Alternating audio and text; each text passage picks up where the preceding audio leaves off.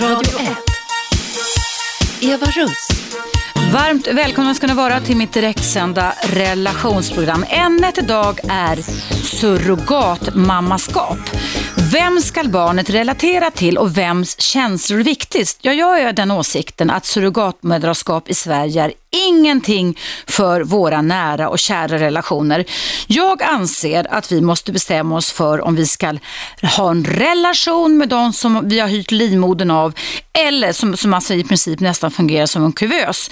Eller om vi ska ha, skapa huller om burrel-relationer för de barnen som tillkommer på det här sättet som gör, eh, påminner om hur det var för många under 1900-talet att eh, mamma är inte min mamma utan det är min syster och mormor är egentligen min mamma och så vidare. Det kan bli en väldig huller om buller och förvirring i känslolivet hos barn som växer upp på detta sätt. Och då anledningen till detta ämne idag, det är att det eh, medicinsk-etiska rådet, statens medicinsk-etiska råd, SMER, har börjat visa en positiv inställning till ett införande av surrogatmödraskap i Sverige. Och i dagens Svenska Dagbladet så har eh, Sveriges kvinnliga läkares förening och eh, en kvinna, Gertrud Åström från Sveriges kvinnolobby uttalat sig och det står med rubriken då kvinnors kroppar är inga varor. Samtidigt så har man i nämnda tidning en helsida nästan där det handlar om ett gaypar som eh, fick en liten flicka för två år sedan av en surrogatmamma i Indien som de alltså betalade pengar för att hon skulle föda. På bilden som visas i Svenska Dagbladet idag så ser vi en blond flicka med, ja, alltså jag jag kunna nästan dra mig till, i alla fall nordiska anletsdrag. Men pappa pappan, en av papporna säger då det att det är viktigt för relationerna och för lilla Alice skull att hon får söka sina rötter i framtiden. Så därför ska de här två pappisarna åka till Indien när flickan är två år för att hon ska kunna ha en relation till Ja, till vem undrar jag då? Det är uppenbarligen så att den här lilla flickan är en äggdonation som har fått växa upp i en hyrd surrogatmammas livmoder i Indien. Vad är det egentligen för relation den här flickan ska ha? Är det mamman som har väntat henne som är rötterna? Eller är det de socialt anknytningsrelaterade papporna? med sin eh, ena partens spermie och en okänd äggdonator. Det här blir huller om burr, det blir ett väldigt virvar och det ska också sägas att den här Rådet, alltså Statens medicinsk-etiska råd, alltså även kallat SMER, att där föreligger i alla fall just nu, och man har inte fattat något beslut än, en splittring där man inte, en del av dem inte vill tillåta surrogatmödraskap eftersom det finns så få studier om de psykologiska konsekvenserna. Och jag eh, kan berätta för dig som lyssnar att jag har noga tänkt igenom mina åsikter idag eh, därför att detta väcker väldigt mycket mycket känslor inom mig. Om det nu skulle vara så att vi ska tillåta surrogatmödraskap i Sverige. Och jag vill påpeka det att jag är verkligen har full av empati och sympati för alla er där ute, mammor och pappor, hetero och homosexuella par som när en barnlängtan. Jag, jag hade själv kunnat ha svårt att tänka mig att leva ett liv utan barn.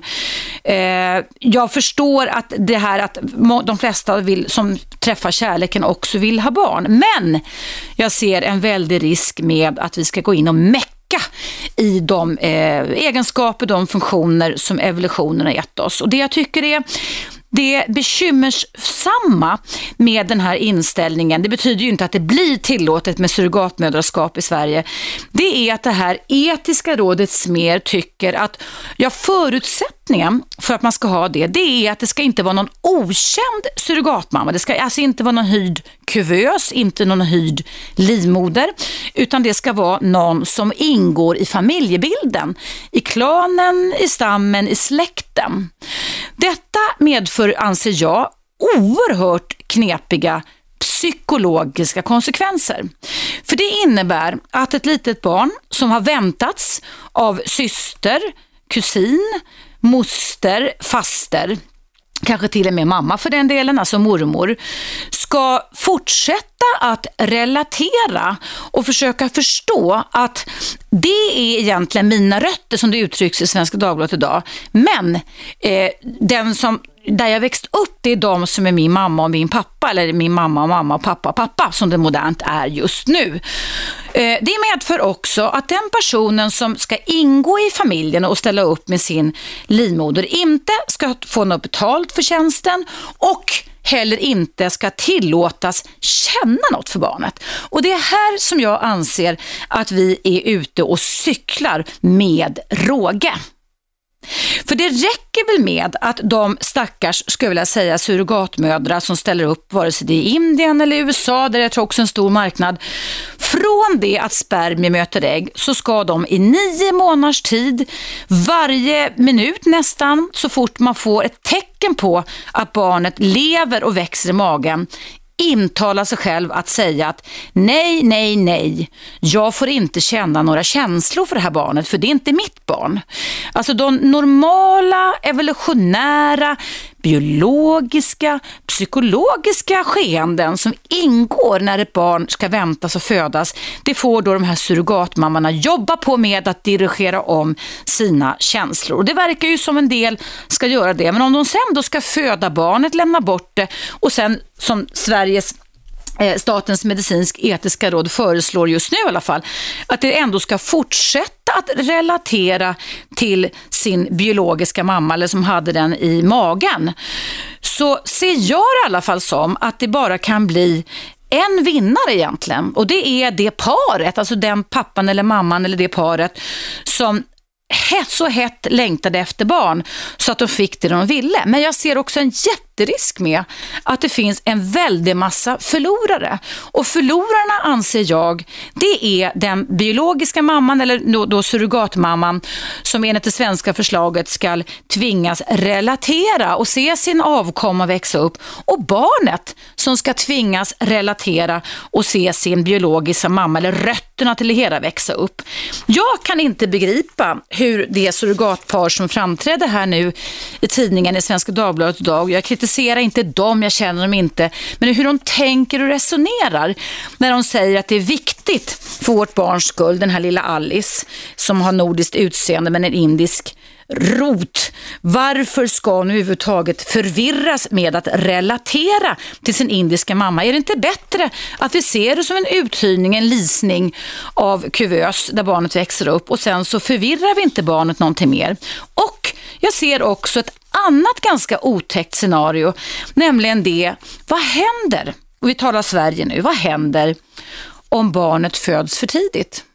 Vem ska ha exklusivitet på att få de första viktiga anknytnings omvårdnadsbeteendena gentemot det lilla barnet? Om det är ett par därmed ska alla tre ranta runt på, på, på neonatalavdelningen. Är det bra för barnet att det ska knyta an till den biologiska mamman eh, under kanske två, tre månaders tid om det föds för tidigt? Är det bra om det sen separerar? Och vad händer med surrogatföräldern om barnet föds för tidigt? Där Surrogatföräldern kanske då får hjälpa till att både ge di, alltså ge mjölk som man får oftast göra och hjälpa till med den känslomässiga omvårdnaden för att barnet ska överleva. Då kan vi inte utesluta, för det sker automatiskt eftersom vi är förprogrammerade för att relatera. Då kommer det automatiskt att ske en anknytningsprocess. Och om när den anknytningsprocessen väl har dragit igång och det kanske har pågått under två, tre månaders tid, då är faktiskt de eh, eh, föräldrar som har bett att få eh, en surrogatmamma att ta hand om dem aningen rökt, jag ska vilja säga, för att då har garanterat den biologiska mamman, surrogatmammans känslor kommit igång. Och jag kan se framför mig scenarier, katastrofscenarier, hur mammor klamrar sig fast vid sina barn och vägrar lämna ifrån dem. Eh, självmordstankar, desperata flykter och så vidare. Och, och i andra ändan givetvis blivande föräldrar som bara ansåg att de hyrde en surrogatmamma och en surrogatlivmoder som också får ett livslångt trauma kring detta. Vad väcker det här för tankar och känslor hos dig? Nu har jag berättat för dig vad det väcker för tankar och känslor hos mig. Efter pausen som kommer här på Radio 1 ska jag prata med eh, nyföddhetsläkaren och professorn vid Uppsala universitet och Uppsala akademiska sjukhus. Hon är professor i perinatal vård av för tidigt födda barn, Lena Hellström Vestas. Jag ska ringa upp henne i pausen och höra vad det här dilemmat väcker för tankar hos henne. Så stanna kvar om du vill börja med att höra vad Lena Lena Hellström Vestas anser om detta.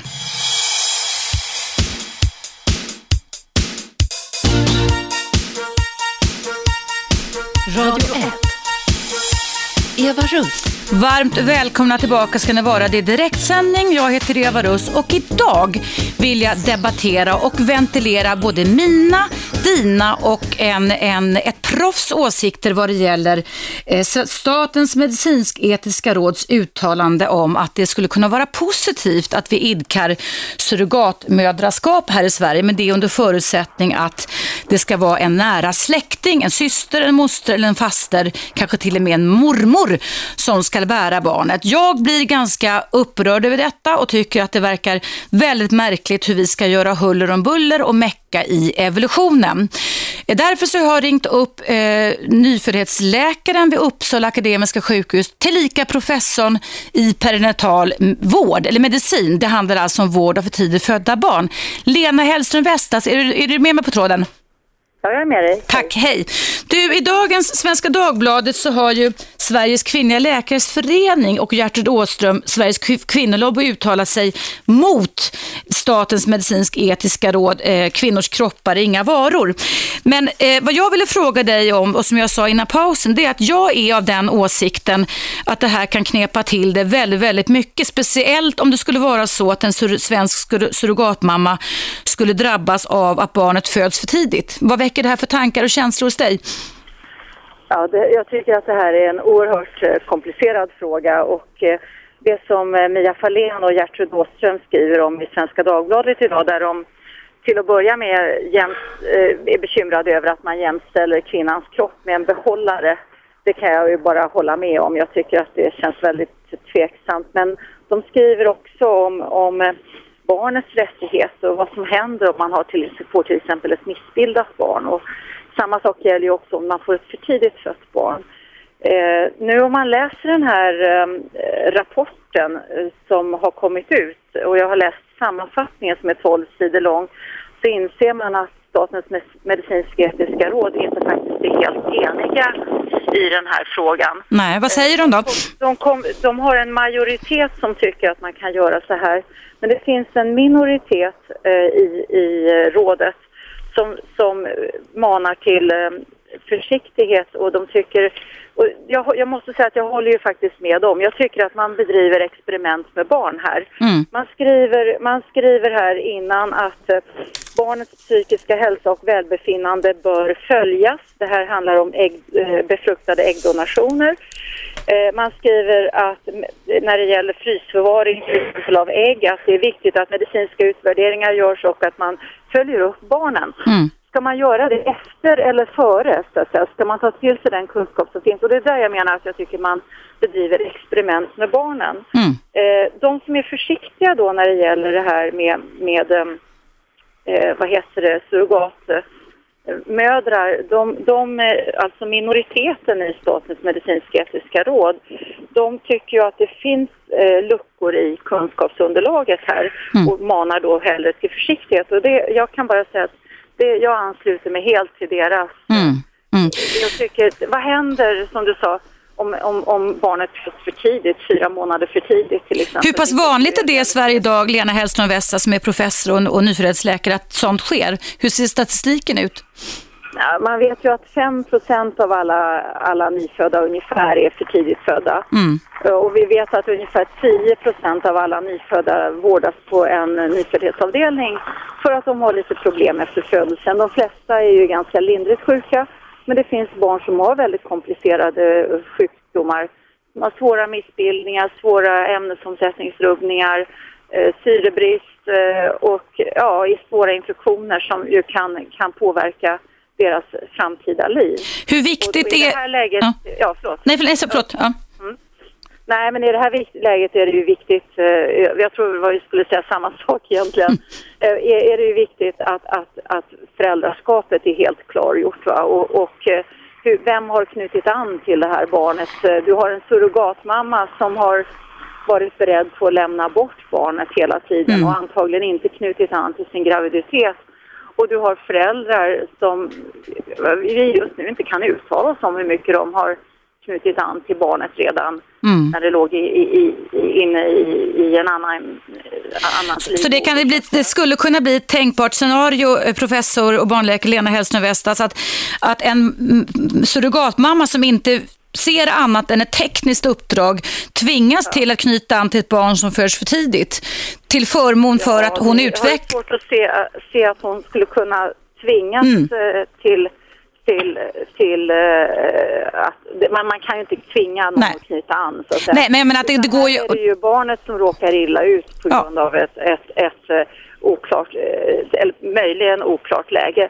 Jag kan ju också se att, att i, i bästa fall så, så skulle det här kunna göras upp så att säga med en sån här surrogatmödraskap med att en väninna eller syster verkligen ställer upp för, för, för någon som inte kan, kan göra det här. Det, den finns nog, men risken är att det här blir en minoritet mm. och att det blir ett otal människor involverade. En som donerar ägget, en som bär fram den här befruktade ägget och mm. någon som donerar spermierna och så vidare. Ja, det var I det här läget måste man, måste man ju tänka på barnet. Jag tänkte på det, jag vill bara höra din åsikt angående, för i samma artikel, eller samma tidning idag, Svenska Dagbladet, så är det ett eh, gaypar som då hade lyckan, kan man väl säga då, att få en liten Alice i Indien. Och så säger de då i den här artikeln att de kommer åka ner när hon fyller två år. Hon är för liten tycker jag för att fatta överhuvudtaget. Men för, för att det är viktigt för henne att behålla relationen och söka sina rötter hos den biologiska mamman. Men flickan ser ju ut som en blond flicka född i Sverige. Antagligen, är, är, antagligen, jag vet inte, men antagligen är det väl en, en, en äggdonation involverad där också. Så att det finns ett antal partner och jag tycker att vi vet väldigt, vi, vi har barn som är adopterade i Sverige, kommer från andra kulturer och vi vet att en hel del av dem vill söka sina rötter. Mm. Eh, och att en del av dem känner en stor förvirring när de växer upp för att, att eh, de har liksom varit med om det de har. En andra verkar inte bry sig ett dugg. Mm. Och jag, jag, vet, jag är inte expert på det här så jag vet inte riktigt vilka faktorer som styr vilka som, som vill veta sin, sin bakgrund och de som inte är intresserade mm. av att veta sin bakgrund. Men jag tycker man måste överväga eh, att, att Eh, risken för de som vill söka sin bakgrund att det kan faktiskt vara ganska mm. svårt. Och som sagt, jag tycker inte att man ska följa upp barnen. Jag tycker vi ska kolla hur är nuläget. Vi vet att ett antal barn redan har kommit till, precis som du skriver, det här paret i Svenska Dagbladet har kommit till med äggdonation. Följ upp de som finns redan eh, och, och se till att, att vi får får kunskap om de barnen som redan har kommit till på det här alltså, annorlunda sättet kan man säga. Mm. Och se, mm. det, går det bra för dem, ja då får vi kanske kanske vi kan tillåta oss att, att experimentera, eller då experimenterar vi inte skulle jag vilja säga. Mm med, med framtida barn. Va? Mm. Utan här tycker jag, man, i, i Statens medicinsk-etiska råd så skriver man ju också om barnkonventionen. Jag hade tyckt det skulle varit väldigt intressant om man hade skrivit ett liknande dokument helt utifrån barnets perspektiv. Ja. ja. Och du, du, du, Lena Hellström Vestas, eh, professor och nyfödelsläkare vid Uppsala Akademiska sjukhus och eh, Uppsala universitet. En sista fråga bara. När startar våra relationer? Du är ju då nyföddhetsdoktor eller neonatalläkare. Ja, de, de, de startar ju de startar oerhört tidigt. Alltså, om, de startar ju väldigt, väldigt tidigt. och, och under graviditeten. Alltså. Så det är inte när de föds som de startar utan barnet bygger upp en relation till den som bär det från första början? Ja, ja, ja, ja mm. absolut. Så att det, det, skulle kunna vara rent möjligt om man tänker sig scenariot att om ett litet barn som har en surrogatmamma som antingen hon blir sjuk eller barnet måste ut för tidigt alltså, eh, ja. känner av om det är surrogatmamman som vårdar eller om det är de nya föräldrarna som gör det? Ja, det var det var, det var svårt. det var bara en tanke jag hade. Ja. Var, ja, ja, jag vet inte. Det handlar ju naturligtvis om, om hur eh, känslomässig relationen är förstås. Mm. Mm. det, det, är självklart så att, att det bästa det, och det är ju den typen av vård som vi nu bedriver allt mer i, i Sverige och eh, inte minst Uppsala har legat i bräschen för detta och det är ju att, att man, man, man känguruvårdar prematurfödda barn. De ligger hos sina föräldrar dygnet runt i många mm. fall. I en påse då eller någon slags? Nej, hur, ja, man har en, en, liksom en, en vad ska jag säga, stretchstrumpa kroppsstrumpa mm -hmm. som håller barnet på plats och mm. så håller man dem hud mot hud. Mm. Så att de ligger hud mot hud eh, och, eh, och vårdas på det sättet. Men då ska väl inte barnet hoppa runt mellan om det skulle vara tre personer eller fyra inblandade i det här meckandet så att säga, med surrogatbarn? Nej, det, det ska man ju inte göra utan vi, vi brukar ju hålla det till föräldrarna och så någon gång naturligtvis som föräldrarna av någon anledning eh, inte kan vara hos barnet så mm. ber man dem välja en, en lämplig person, vilket ofta kan vara, det kan vara ett syskon till någon av föräldrarna eller mm. en, en mor eller farförälder till exempel. Okej, okay, ja. Mm. ja. Ja, du, du ska ha stort tack för att du hade tid, eh, Lena Hellström Wester, att medverka i mitt program. Det var mycket nyttig kunskap som jag tror att våra lyssnare kommer att uppskatta. Tack så hemskt mycket för att du tog dig tid att vara med. Tack, hej då. Hej, hej. Ja, hörni, det eh, handlar alltså om surrogatmödraskap och jag pratade då med barnläkaren, nyfödelsläkaren och professorn Lena Hellström Vestas vid Uppsala Akademiska sjukhus och universitet. Nu är det dags för en nyhetsuppdatering på Radio 1 och nu vill jag debattera detta med dig som lyssnar. Eh, vad väcker ämnet för tankar hos dig? Vad väcker det för känslor hos dig? Har du själv kanske en gång i tiden varit med om att du har växt upp i en slags falsk omgivning där det var lite huller om buller med känslorna att din syster som du trodde var din syster egentligen var din mamma och så vidare. Har du växt upp med att du har knutit an till en förälder och sen fått knyta an till annan och vilka konsekvenser rent känslomässigt har detta blivit för dig? Eller kanske du rent av är en surrogatmamma som har lust att ringa in till mig. Du kan ju vara anonym om du vill och berätta om dina känslor kring det här. Det kanske till och med är så att du själv eller ni är ett par som går och väntar på just att få ta hand om ett barn som i alla fall inte i Sverige tillåter idag som väntas av en annan mamma. Hur tänker ni kring det? Ska det vara relation kring det här eller ska det bara liksom vara en hyrd livmoder utan relationer? Jag är av den åsikten att jag kan tycka att eh, om man nu ska gripa in och mecka med naturen på det här sättet så är jag undrar, jag tror i alla fall just nu att jag tror att det vore bättre för barnet som föds att den fick eh, reda kanske på sitt ursprung när det blir stort. 18-årsåldern brukar oftast vara på inseminationskliniker i våra nordiska länder och att man låter barnet växa upp i lugn ro och inte få skapa en massa huller och buller och förvirrande relationer.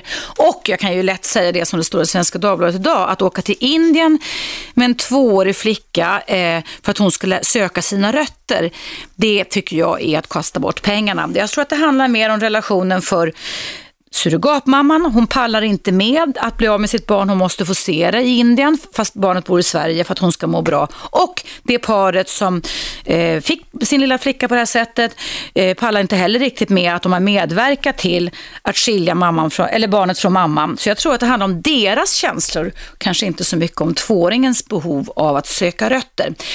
0200 11 12 13 och numret ring in allt vad ni kan. Nu kommer nyheterna.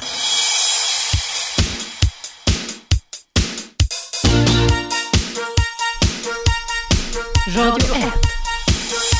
Eva Russ. Varmt välkomna tillbaka. Det är direktsändning och jag vill diskutera och eh, damma av dina åsikter kring surrogatmödraskap. Det har ju blivit på tapeten sista tiden att Statens medicinsk-etiska råd, kallat SMER, vill tillåta surrogatmoderskap, men det är under förutsättningen att barnet ska ingå i en relation, i en kontext med eh, släktingar eller nära vänner. Eh, jag tycker att den abrovinken är av ondo och jag blir ganska konfunderad och håller med professorn Lena Hellström Vesta som jag pratade med innan pausen vid Uppsala universitet och Uppsala akademiska sjukhus. Hon är också neonatalläkare, alltså nyföddhetsdoktor. Att är det inte bättre att vänta en 15-20 år och följa upp de barn som nu har kommit till på det här sättet utomlands och som finns i Sverige och växer upp i Sverige innan vi meckar med naturen. Det kan ju gå bra, men det kan ju också gå dåligt när relationerna blir huller om buller. Ring in till mig, numret är 0200 11 12 13 och det har Annette gjort. Hallå Annette! Hej, Välkommen! tack. Eh, Jag tycker att det är olustigt överhuvudtaget med surrogatmödrar. Mm. Eh, Jag tycker om- Vad ser du framför dig? Vad är det du tycker är olustigt? Jag, jag, det, den första tanken är att, eh, att en, en, kanske en fattig mamma eller en fattig kvinna i Indien Mm. ska få pengar för att bära fram ett barn och föda det Mm. och sen lämna ifrån sig det. För det är det första jag tycker är obehagligt, att man betalar pengar till en person som har svårt ekonomiskt Mm. och som är beroende av det här och som gör det liksom, som bara gör det för att eh, klara sig ekonomiskt. Mm. För pengarnas skull alltså. Mm. Och sen då, hur mår, och hur mår hon när barnet tas ifrån henne? Mm. Och hur, jag, tycker, jag, jag blir jätterädd för det här, och att om vi ska ha det här i Sverige. Jag, jag har inga problem att förstå att människor vill ha barn, men till vilket pris? För Nej. Vem, vem tar hand om barnet om det föds med en, vi säger att det föds med en förståndshandikapp? Mm. Vill surrogat, äh, vet du, föräldrarna som vill ha det här barnet då, vill de ta emot det här barnet? Mm. Kommer, vad kommer hända? Det, det är så många saker som kommer kunna hända kring det här barnet. Är du mamma själv Annette? Jag är inte det. Nej. Jag, jag, jag känner, jag känner så starkt för barn. Ja, Så att jag, ja. jag, tycker, jag tycker det är så olustigt. Jag tycker att ett barn ska växa upp i en annan mm, kvinnas kropp. Det känns, nej, det känns helt onaturligt. Det känns inte alls bra. Det är ju att mecka med naturen tycker ja, jag. Tycker, ja, jag tycker inte alls om Det- den tanken faktiskt. Sam, samtidigt så är livet inte rättvist, det är ganska orättvist och självklart så finns det för hos de allra flesta en längtan som är nedärvd Mm, efter att föröka sig va? och få barn. Men livet är inte så rättvist så att alla alltid kan få det. Måste man då göra det, gå över, ö, över evolutionen och mecka med detta? För som du säger, jag har ju då tre vuxna barn och, och jag har svårt att föreställa mig hur jag, om det skulle varit aktuellt, hur jag skulle då relatera när bebisen i vecka 17 i graviditetsveckan börjar fladdra som en liten fjäril i moderslivet och visa att det levde, för det är då man börjar känna de första sparkarna. Att liksom tycka så här, "Ja, jag ska vara glad för de blivande föräldrarnas skull, men jag får tror- inte vara glad för min egen skull. Jag tror inte det fungerar. Jag tror, inte Nej. jag tror nästan inte, även fast jag inte har fött barn, Mm. har barn själv, så tänker jag hur kan en människa, jag förstår inte hur man kan stänga av alla de känslorna. Nej. Jag tror inte det går. Jag tror att de är tvingade till det till viss del. Ja. Men, Men det är väl kanske därför det här, jag vet inte om du har läst Svenska Dagbladet idag eller har jag, tillgång till. om, jag hörde lite grann igår så hörde jag det. Ja, precis. För där är det då ett, ett gaypar som självklart har blivit jättelyckliga och fått en liten dotter på detta sättet. Men uppenbarligen så är det en äggdonation insatt någon av deras spermier i en indisk kvinna. Och nu ska de dra ungen över halva jordklotet när hon fyller två. För att det är viktigt att hon upprätthåller rötterna. Det ju, måste ju vara deras dåliga samvete och mammans Ja. behov som det handlar om. Inte handlar om tvååringens behov. Nej, tvååringen, hon kan nej. Hon kan ju inte förstå att hon eh, har en surrogatmamma i Indien Nej, och ska nej. sitta på flyg eh, som tar 25 timmar Nej, nej, nej. Jag, tycker det låter, jag tycker inte det låter bra alls. Utan det måste vara att mamman kanske mår så otroligt dåligt, för det kan jag Mm. tänka mig. Jag har inte svårt att tänka mig det, även fast jag inte själv har barn. Va? Jag skulle tro att de allra flesta mammor mår jättedåligt när barn tas ifrån dem. Ja. Och som du säger, att det skulle vara jättesvårt att vänta ett barn och inte kunna glädjas åt det. Utan, alltså, du ska glädjas för andras skull, men du får inte glädjas för din egen skull. Det blir en väldigt, väldigt, väldigt konstig psykologisk Ja, men jag tänker loop. så här. Jag tänker så här. Hur kan det... Jag menar, det ska, allting påverkar ju barnet. Så Mm. mycket vet jag fast jag inte har barn själv. Att när barnet ligger i magen så påverkas det av hur din mamma mår Mm. och hur hon tänker och hur hon känner. Och det är väl klart att barnet måste påverkas psykologiskt på något sätt. Av att det jag. egentligen är oönskat men önskat. Ja. Alltså det blir dub- Ja, dubbelbottnat blir på något dubbel- sätt va? Mm. Ja, ja, det finns, du har skyddet i kroppen och liv och alltihopa. Mm. Men du har det här den psykologiska biten, den känslomässiga biten, den måste ju mamman ändå överföra på något sätt fast hon inte vill det Oh ja, till oh ja. här barnet. Och det tycker jag är så obehagligt. Mm. Ja, det är en läskig, läskigt scenario som vi i alla fall behöver ta mycket längre tid på oss att fundera Ja, ja, över. Absolut. Det är inget det- quick fix direkt. Nej, och det är inte det att jag inte, jag missunnar inte människor Nej, nej, nej. som vill ha barn. Det förstår Det handlar, det handlar mer om, jag tänker mycket på barnet och så tänker jag på surrogat. Ja. mamma också i första hand faktiskt Mm. då. För att då blir, det kan ju bli surrogatmamma mamma dåligt och eh, barnet mår dåligt. Det blir, Mm. blir flera som mår dåligt. Det är precis vad jag tänk, sa också, att det finns kanske en vinnare och det är föräldraparet som får barnet, men det kan finnas fler förlorare och det är surrogatmamman och barnet som blir förvirrat och sen ska liksom relatera till en person, men det får inte känna för den personen och surrogatmamman får inte känna för sitt biologiska barn heller så att säga. Vilka, så här, vilka risker utsätter sig inte en surrogatmamma för? En förlossning Mm. Ja. är väl inte någonting som man bara... Nej, det kan hända massor med saker. Ja. Mm. Jag tycker det är obehagligt. Ja, tack för din åsikt, tack för att du lyssnade på Radio 1. Hej då, Anette, hej. Ja, nu ringer som bara den, vi ska se vem som finns på tråden. Hallå? Hej, hej, det här är Helena. Hej Helena, välkommen. Hej, hej. Vad väcker dagens ämne för tankar och känslor hos dig? Jo, jo men alltså jag förstår ju båda eh, aspekterna på det här att man, man vill ha man gärna vill ha ett barn och att man längtar så mycket så att man liksom, det gör ont i hela kroppen. Mm. Eh, och man blir liksom desperat över att man måste, ja, alla, alla, bara tankarna går på, på att skaffa barn. Men det, det jag tänkte på är att en, en, det var en dokumentär från England om just det här med surrogatmammor och då var det liksom, de blev som fabriker de här mammorna. För det var enda de gjorde, det var att trycka fram ungar för det var liksom deras levebröd. Mm. Alltså hon hade haft hur mycket barn som helst. Hon hade kopplat bort alla tankar. Mm. Och, alltså känslomässiga band till de här barnen. Men det kan inte vara så jävla nyttigt heller. Att jämt påfresta kroppen att vara gravid. För att det är det enda levebröd de har. Mm. Eller? Nej, absolut, jag håller helt med. Nej, absolut. Jag, jag är inte då, läkare då, men, men rent psykologiskt och mentalt så tycker jag att det verkar vara av ondo i alla fall. Både för barn och för mamma. Men då undrar jag så här, varför kan det inte vara lättare att adop- adoptera idag?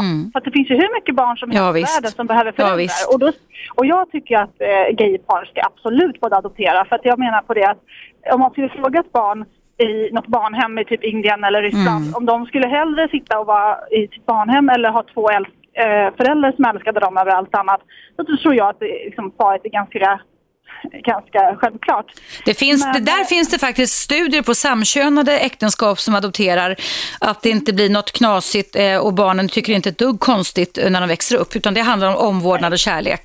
Och idag så är det så himla accepterat faktiskt, Mm. måste jag säga. det Verkligen. gay. Eh, så att, eh, nej, jag, jag förstår inte varför det inte kan vara lätt att adoptera och jag tycker att det känns väldigt konstigt. Jag är rädd för att det ska bli fabriker det här. Mm.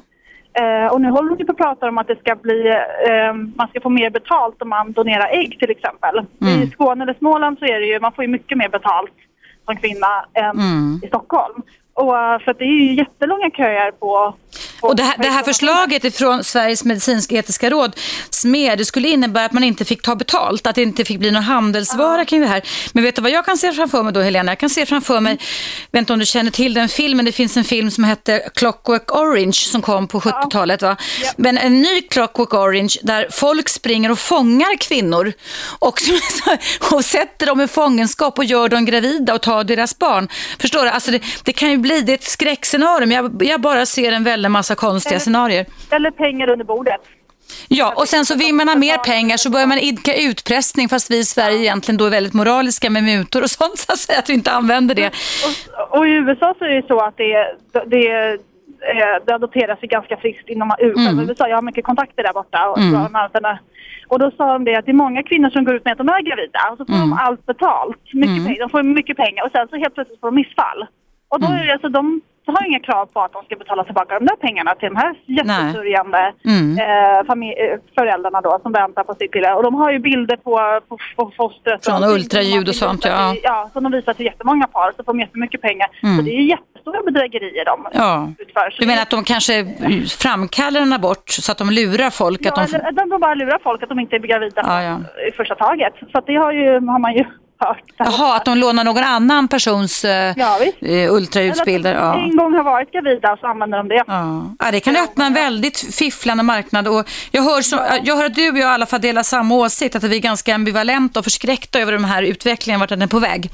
Jag tycker också att man glömmer att det här är faktiskt liv och det är människor man pratar om. Och Mm. det är liksom inte en handelsvara. Det är inte, det är inte ett stycke, utan det är faktiskt ett liv och en människa som ska växa upp till en bra medborgare. Och man måste liksom ha, ha ansvar för att Mm. det ska, att det ska bli bra. och ibland så tycker jag att man glömmer det. Absolut.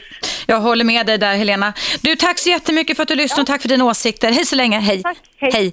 Hörrni, lägg inte på, eh, det är dags för en liten paus och lyssna på Radio 1. Jag heter Eva Russ och idag diskuterar jag bra eller dåligt med det svenska förslaget eller inställningen som är ganska positiv just nu till huruvida vi ska idka svenskt surrogatmödraskap i Sverige.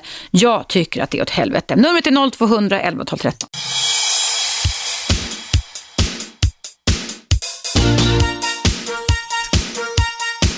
Radio 1. Eva Russ. Välkomna tillbaka. Idag debatterar jag surrogatmödraskap.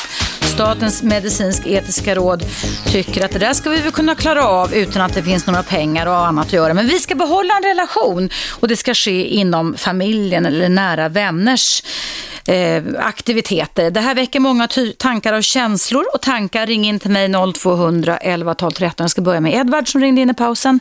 Hallå? Hallå? Hej, välkommen. Ja, det här är Edvard. Ja, välkommen. Hej. Eh, jag är lite totalt emot det där. Mm.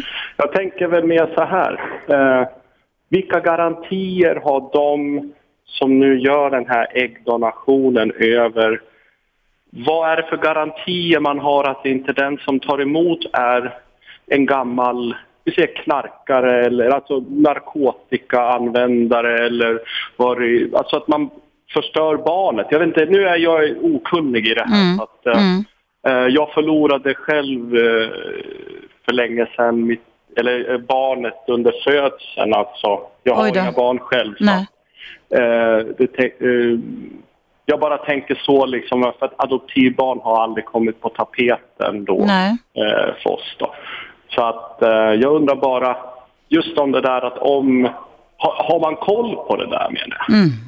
Ja, alltså när man nu idag åker till Indien där det finns eh, surrogatmödrafabriker där man alltså hyr och leasar en livmoder och betalar pengar för det, så, så sägs det då att det är under strikt, det har varit många reportage kring det här, att det har varit under strikt övervakning av läkare. Det är ganska frapperande att se reportage från det här hur kvinnor liksom nästan ligger fjättrade vid sängarna och allt eftersom graviditeten fortskrider, föder barnet och åker hem till sin familj med storkovan i handen som hjälper dem att leva flera år framöver va? för att kvinnan hyr ut sin livmoder i nio månaders tid. Ja, men, men vad är det som säger att eh, det är helt hundra på? Jag menar, en människa kan ju kliva in Självklart, en- pengar, pengar är mycket Ja. för oss människor och inte minst för de som har väldigt lite av det. Så att det är en jätteknepig ambivalens. Och jag tänker också på Edvard det här om, om mamman, surrogatmamman som bär barnet då blir svårt sjuk under Ja, graviditeten. Så hon får en stroke, ett slaganfall. Och he- Så att hon ska ge bort ett barn, barnet kanske klarar sig, men själv får hon sitta till exempel i rullstol livet ut och för priset av att hon ställde upp på det här sättet. Ja, och grejen, jag tänker, ja precis, jag, jag, är både, jag är både också, både hon som är surrogatmamma och sen barnet. För jag tänker mer det här också, den där aspekten att eh, vad, alltså det tar ju ett tag att titta på, alltså om, om en människa kommer in till en läkare och säger hej jag ska bli det och det, eller man går igenom allting. Det tar så lång tid ändå läkare, alltså att få fram alla uppgifter på en människa, Mm. gått igenom blod och hela det där och hela det där bandet utav Mm. personens familj, alltså den här kedjan, hennes. Hon Nu, fast, fast Edvard, nu skulle det handla om, om det här nu skulle ske i Sverige, att Ja. statens medicinsk-etiska råd SMER, som uttalar sig, en majoritet i alla fall positivt för att vi ska Mm. svenska, tillåta svenska surrogatmödrar här, att det måste vara in control, så att, säga, att det ska vara Ja, inom precis. den egna sfären, väninnan, moster, kusin, syster, så då har man ju lite mer kontroll. Men jag håller verkligen med dig i dina betraktelser och funderingar kring dilemmat kring det också, kring sjukdom och sådana saker och tidiga historik och sådana saker.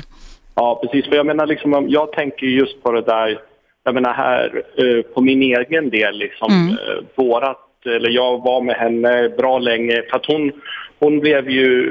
Med din partner, alltså fru? Eller? Ja, precis. Hon, eller ja, hon, vi, vi bodde i USA då och, och hon var från Österrike så att Mm. eh, vi skulle föda i Österrike då vårat och hon, barnet dog då så att eh, var, Under förlossningen, eller? Ja, det var före då. Det att bog, var- dog i magen alltså? Var det ja, fullgånget precis. barnet också, eller? Ja, ja Oj, det så förfärligt. Så att, eh, Oj, oj. Men grejen var ju bara det att man, vad är det som säger då att liksom, just, vi säger, jag vet ju inte liksom om det var min del eller om det var hennes del som det här, det var liksom ingenting olycksfall eller någonting. Naturens bara- del skulle jag vilja säga. Mm. Ja, ja, precis helt enkelt. Så att man undrar ju liksom vad är det som säger, om, jag, om man lägger ner de där pengarna och sen så dör det där igen, så man börjar om den där processen ännu en gång. Liksom. Vad är det som säger 100 procent om den här surrogatmamman inte har aldrig någonsin just fött ett barn? För att jag menar, hennes och min eh, tjejs liv vart ju liksom, hon vart ju inte aggressiv, men hon vart ju liksom så här, hon puttar bort då Ja, barnadelen. ja, ja. Och då kan, kan man ju tänka sig, hur är det de här som just blir det och aldrig har gjort det och så plötsligt ska de liksom börja tjäna pengar på sånt Mm. som kanske blir en missfall just sådär. I Sverige så säger vi då det här eh, medicinska rådet att det handlar inte om pengar utan här ska man göra som en altruistisk, alltså osjälvisk handling. Ja, okej. Det tror inte jag att det kommer vara faktiskt, om jag ska vara riktigt ärlig. Nej, jag, jag tror det där kommer att... Ja, Spåra det ur. Det kommer att bli jätteknasigt. Ja. Ja, det blir en cirkus. Du Edvard, tack så jättemycket för att du ringde in och jag beklagar förlusten. Hur länge sedan var det detta hände er? Nej, det här är länge sedan. Ja, så eh, du har kunnat bra le- leva vidare med det. Ja, ja, absolut. Vad fint. Mm, tack för att du berättade i alla fall. Tack för att du ringde in. Tack själv. Hej då. Hej, hej. Ja, det är många som ringer idag när vi debatterar surrogatmödraskap, om det ska tillåtas eller inte. Vem finns på tråden här? Hej, det är Janne. Hej Janne, välkommen. Tack. Ja, jag är totalt anti mot allt det här. Jag är till och med anti mot eh, superegoismen att två män, två kvinnor ska också ha barn. Alltså det är ett jävla experiment. Ingen vet hur de här barnen kommer att bli när de blir äldre. Nej. Och eh, hur kommer de att mottas av sina kamrater? Ja, men vi har nog med mobbning och skit. Det här spär ju bara på ytterligare en mobbningsaspekt. Att man har två papper, två mammor. Va? Hur de ska förklara det för sina barn. Men det har väl normaliserats väldigt mycket och det tycker jag i och för sig är bra. Men jag tänker mer på det här, var, var finns dina rötter någonstans? Ja, jag tänkte komma till det. Ja. Det är ju därför jag tar upp ämnet. Eh, försäkringsmässigt, om den här surrogatmamman skulle gå åt, vem ersätter henne eller hennes familj då? Priset för ett liv som ger liv till annat alltså. Ja, som bär då på det här och så går förlossningen åt pipan va. Barnen kanske klarar sig, eller både mamman och, och barn går åt. Men försäkringsmässigt alltså, vem, vem tar hand om det? Och sen, lyckligtvis som barnet blir fött och allting, och mamman klarar sig också, kommer hem till Sverige och blir äldre. Ibland sådana här hälsodeklarationer ska man fylla i. Har eh, dina föräldrar någon ärftlig sjukdom? Mormor, farfar och så vidare. Va? Till och med när du söker vissa jobb så ska du uppge vad mormor och morfar och allting hette. Och så vidare. Ja men hur fan kommer det att bli då för de här barnen när de blir lite äldre och ska fylla i sina papper? Vad ska de fylla i? Alltså det är jävla experimentverkstaden får de sluta med nu. Och jag trodde att vi skulle ha slutat med att utnyttja de här u-länderna. Fattig, fattiga människor, det är att utnyttja. Alltså, rika människor fortsätter att utnyttja fattiga mänder, människor. Ja, så, så då har det ju varit i hela historien. Ja, det det. fortgår. Ja. Och vi pratar så varmt att vi ska, liksom, vi ska skänka pengar och allt möjligt. Det håller ju på på sidan om Mm. fortfarande. Skulle det vara bättre, tycker du Janne, som en inringare sa här, att vi skulle öppna upp för mycket, mycket lättare adoptioner av världens alla barn? Absolut. absolut. Mm. Det har jag pratat med dig om tidigare. Att varför inte mer adoption då? Mm. Och eh, jag jag fick ju till svar att det är så jävla krångligt allting. Och det kan jag väl hålla med om att det är lite för krångligt va. Mm. Eh, tar för lång tid och allt det där va.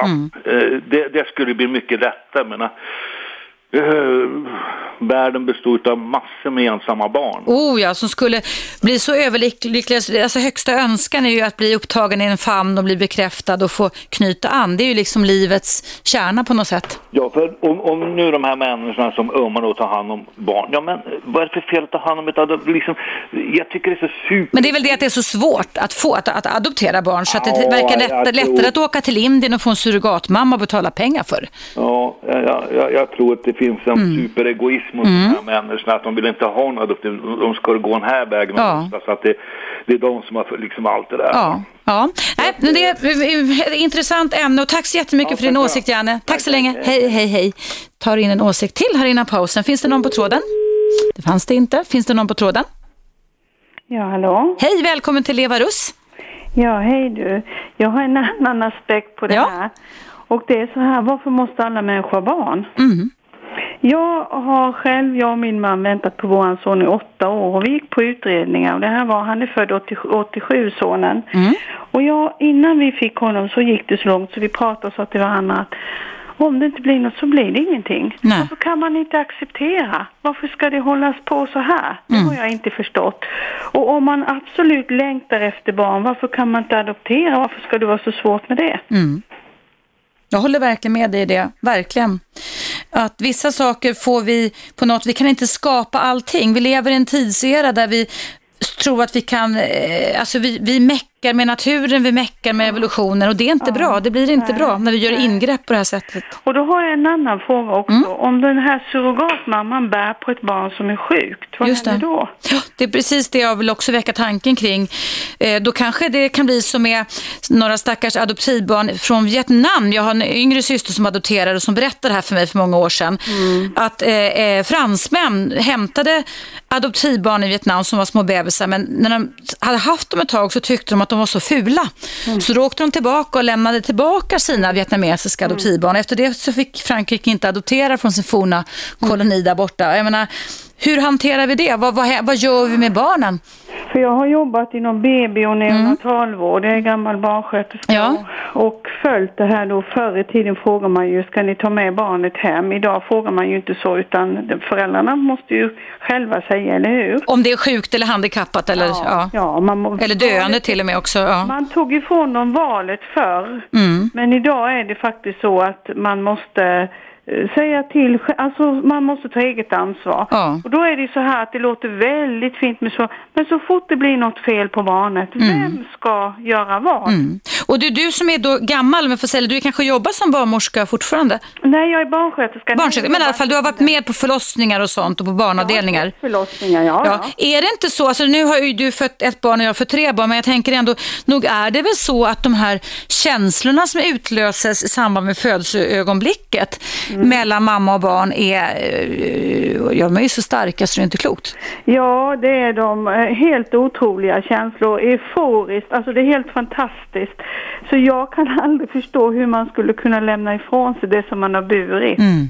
Inte jag Det heller. övergår mitt förstånd, men det är inte det vi ska debattera. Men Jo, det gör vi också därför att det handlar om att om Statens medicinsk-etiska råd SMER skulle liksom vinna det här på något sätt, att tillåta surrogatmödraskap i Sverige, så har staten gått in och sagt att nu, kan, nu ska ni minsann lära er att reglera känslor. Nu ska vissa av er här gratis och utan ansträngning upplåta er kropp i nio månader och ni får inte tjäna pengar på det och ni får inte känna något heller.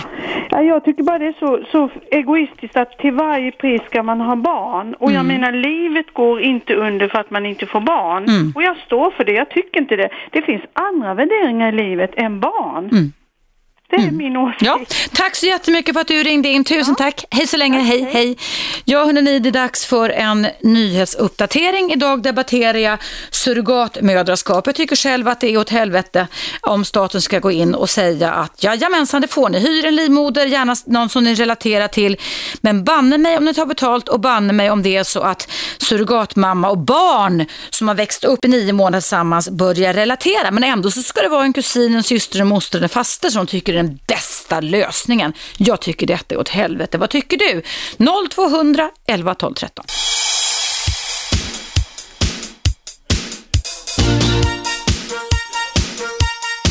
Radio 1. Eva Russ. Välkomna tillbaka. Idag debatterar vi surrogatmödraskap. Hiss eller diss. Jag är av Åsikten eftersom relationer är exklusiva, känslomässiga band startas fick jag reda på inte minst när jag pratade med professorn och neonatalläkaren Lena Hellström Vestas vid Uppsala Akademiska sjukhus och Uppsala universitet. Eh, det blir en väldigt konstig abrovinkel när eh, blivande mamma, eller om det skulle bli så här i Sverige, men man har det ju på andra ställen i världen, i Indien inte minst, där man betalar pengar hos fattiga familjer för att kvinnan ska upplåna sin livmoder och sen så ska det relateras också. Skulle det inte vara bättre i sådana fall om nu det här meckandet med naturen ska ske, att man hyr en livmoder och sen så är det klart och sen ska barnet få lugn och ro och relatera till dem som de tror i alla fall är ens verkliga föräldrar. Ni är många som ringer och jag kan säga direkt då att Pia, du som ringde in nyss, du, jag råkar trycka på fel knapp och säga, eh, eh, du sitter alltså inte på vänt så jag skulle vilja be dig ringa mig en gång till. Och numret här in till studion på Radio 1 är 0200 11 12 13. Under tiden som jag väntar på dig Pia så ska jag prata med Danne och sen Lennart. Men jag börjar med Danne. Hallå Danne! Hejsan hejsan! Hej, välkommen! Tack så mycket, allt bra? Ja, hur är det med dig då? Ja, det är synd att klaga. Det är synd Härligt i fredag också. Ja, visst är det underbart. Mm. Det är synd att helgen är så kort. Ja, det är mycket, mycket korta helger nu för tiden. Ja, du, vad väcker dagens ämne för tankar och känslor hos dig? Kim pratade om det här också häromdagen på morgonen. Mm. Och jag ringde in och också tjafsade lite med henne. Jag tycker det är jag tycker det är så jäkla fel att hålla på och mixa med naturen så här. Mm. När det finns så många barn som är moder och faderlösa. Mm. Och många barn som verkligen behöver föräldrar i det här landet också. Mm. Så jag tycker det är så, jag tycker det är så otroligt fel. Mm. Jag tycker det är verkligen jättekul för de som har lyckats få sitt barn. Men varför kan man inte adoptera istället? Jag vet att det är krångligt men kan man inte kolla på de reglerna istället? Mm. Mm. Alltså jag tycker det är totalt vansinne. Mm. Det är inte beslutat än, men det låter som att jag har fått utredningen skickad till mig. Det är 12 sidor från det här Statens medicinsk-etiska råd. Jag ska läsa på det över helgen och se vad det står.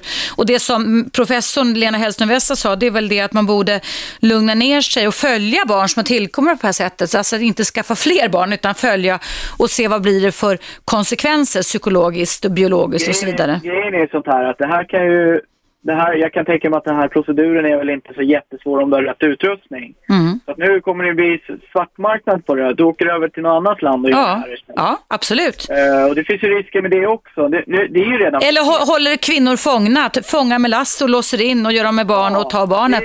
Det, I värsta det, fall, det, det är liksom mitt eget katastrofscenario. Men... Det är som om man jämför med den här prostitutionslagen. Vi har antagligen mer prostitution i Sverige nu än vad vi har haft tidigare. Mm bara på grund av att det är förbjudet. Ja. Så att de, då går de under jorden och då har man ingen koll på det. Nej. Det kommer bli precis samma sak med det här. Ja. Man, kan, man kan inte förbjuda någonting. Det har aldrig funkat med ett förbud. Men nu när det har lyfts upp till ytan, debatten har kommit fram, ja. folk börjar fatta att det finns en marknad för det här, så kommer folk vilja tjäna pengar. Självklart, det är, det, är, det är omöjligt annars alltså. Jag tycker istället att om de nu vill lägga ner pengar på att kolla upp saker och ting, kolla över de här adoptionsreglerna mm. och gör det lättare. Det är klart att det inte är vem som helst ska få adoptera, men, mm. men gör det lättare mm. att adoptera. För det finns så många barn som är hemlösa, moderlösa, ja. som behöver. Mm. Liksom. Ja. Det finns ju många som vill ha barn. Så att... ja. tack, tack så jättemycket för din åsikt. Tack själv. Hej, hej, hej. Ska alldeles strax koppla in dig Lennart och jag uppmuntrar Pia som jag råkade trycka bort. Jag är hemskt ledsen för det att ringa en gång till och göra ett nytt försök. Ja, jag har ju också själv tänkt mycket på det här för många, många år sedan eftersom jag har en eh, fem år yngre syster som förgäves gjorde en väldig massa IVF-försök för 20 år sedan. Eh, och det slutade sen då att de fick två underbara flickor, Maja och Hanna från Vietnam. Eh, de flickorna är tonåringar nu och de har just nu i alla fall inte ens någon längtan efter att söka sina rötter. De vet att de adopterade, det syns ju på dem också. Utan det är mamma och pappa i Sverige som gäller om det då, jag lekte faktiskt med tanken då, eftersom vi är fyra syskon och tre av oss har fått biologiska barn, då lekte jag faktiskt med tanken, men då fanns inte den tekniken att jag skulle kunna, när jag hade fött mina tre barn, vara surrogatmamma åt min syster. Och jag hade kunnat tänka mig att vara det, eh, under förutsättning, precis som det social, eh, Statens medicinsk-etiska råd föreslår, att jag fick stå i relation till min syster. Men eh, jag hade nog tänkt då, nu pratar vi alltså 17-18 år sedan, att det hade varit lättare om jag bara donerade ett ägg och inte gick omkring och liksom fick en relation till barnet de nio månader som det tar innan barnet föds. Eh, ja, det är vad jag tycker. Nu ska vi koppla in Lennart. Vad tycker du Lennart? Ja, jag tycker det här med, med rötter, det är oerhört viktigt alltså. Jag har ringt, du har haft det här uppe på um, agendan tidigare i programmet, för några månader sedan senast. Mm. Och då ringde jag in och påtalade det där med rötter. Det är väldigt viktigt för bevisligen är det ju så att även här inom riket, landet Sverige, så är det ju kanske hundratusentals människor genom åren här nu som släktforskar. Va? De är så intresserade. Om en person i en släkt släktforskar, då blir det ju så med automatik att de andra släktingarna är intresserade. Det smittar lite så att säga. Ja. Det väcker ju en väldigt oerhört starkt intresse. Mm. Det är ju väldigt viktigt att veta sin, var man kommer ifrån och vem man är. Va? Mm. Och det jag tycker var rysligast som du nämnde för en stund sedan, det var när eh, frans, eh, franska medborgare adopterade barn från Vietnam. Och skicka tillbaka dem ja. Och för att Mm. du påstod att de, var, de tyckte att de var fula. Ja, det har hänt till skandaler för ju 15 år sedan. De måste Mm. för, för, för fasken veta hur vietnameser ser ut. Va? Det, jag menar, vilken jävla föreställningsvärld de lever i. Det är ju det är ofattbart. Va? Ja, det, det, och jag vet ju också att jag har talat med någon, en, en flicka här, en tjej, nu är hon vuxen kvinna då, Mm. som blev adopterad ifrån Korea, Sydkorea då. Och hon har ju varit väldigt vetgirig om att finna sina rötter och kanske eventuellt också få kontakt med, eh, med sin eh, biologiska mamma. Och det har man väl förståelse för. Att det, det finns ju en förening också i Sverige med koreanska... Men alla behöver kanske inte få det och som i Svenska Dagbladet idag att pracka på en tvååring som inte begriper för så mycket kring Nej, det här ännu. Ja, det det kan man hjälpa till med sen va? Utan det nu kan tycker man vänta med till, tills det kommer upp Ja, en tonåring över tonåren så att säga. att när man kan för det på tal och man har normaliserat. Föräldrarnas osäkerhet. Ja, jag tror att det, det handlar om deras känslor, inte barnets känslor. Lennart, tack för att du ringde in. Jag vill bara Tack. avsluta Ja. med att säga att det här tycker jag som någon har poängterat tidigare, om det var Janne som ringde in, Mm. att det, jag menar, det kommer rika västerlänningar Mm. och utnyttjar situationen med fattiga indier. Ja. Betänk att det finns ungefär cirka en halv miljard fattiga människor fortfarande i Indien, fast Indien har gjort otroliga framsteg. Va? Mm. Så att det är ju rysligt när man tänker på det. Och jag tror också att det här kultur, så kallade kulturutvecklingen, va? Mm. Det blir en kulturtrötthet alltså, ett kulturellt tvång. Och det är de här människorna i... Mm. Men det handlar inte det om idag Lennart. Tack så jättemycket för dina åsikter. Det handlade om surrogatmödraskap. Nu är det nämligen dags för mig att ta en liten paus. Du lyssnar på Radio 1. Ämnet är hiss eller diss, das, eller hiss eller diss, alltså kvinnors kroppar, är det handelsvaror? Ska vi tillåta det i Sverige att kvinnor utan ersättning och bara med en osjälvisk inställning, gärna släkt eller nära väninna, ska eh, skänka bort nio månader av sitt liv till att hyra ut sin livmoder? inte känna något, dirigera om känslorna och vara sådär allmänt eh, osjälvisk. Är det möjligt eller inte? Ska staten lägga sig i hur vi ska dirigera om våra känslor? Ring in till mig, numret är 0200 11 12 13. Jag svarar på eh, era samtal även i pausen som kommer här.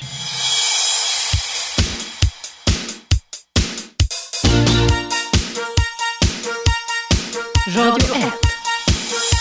Eva Russ. Varmt välkomna tillbaka. Idag debatterar jag murg, murg, kan inte prata längre, surrogatmödraskap. Ska, tycker du att det ska tillåtas här i vårt eh, långa land här i Sverige? Är det bra eller dåligt? Kan, ska staten lägga sig i om man får betal, ta betalt för eller inte? Och vad händer med kvinnorna som ställer upp på det här? Eh, pallar vi det på lång och, lång, lång och kort sikt rent känslomässigt? Ring in till mig, numret är 0200 11 12 13 och nu är jag extra glad att eh, du Pia ringde tillbaka för jag råkade trycka bort dig förut. Ja. Tack att du tog dig tid. Det var fint att ha dig på linjen igen. Du, berätta, för du berättade lite kort för mig eh, i pausen när du ringde förra gången hur dina tankar gick kring det här.